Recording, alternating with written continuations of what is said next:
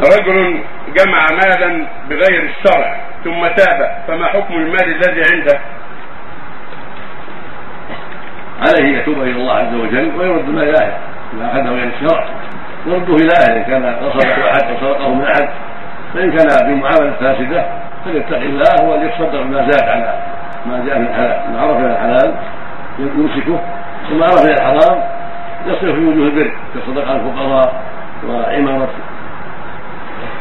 دور المياه التابعة للمساجد وأشبه ذلك.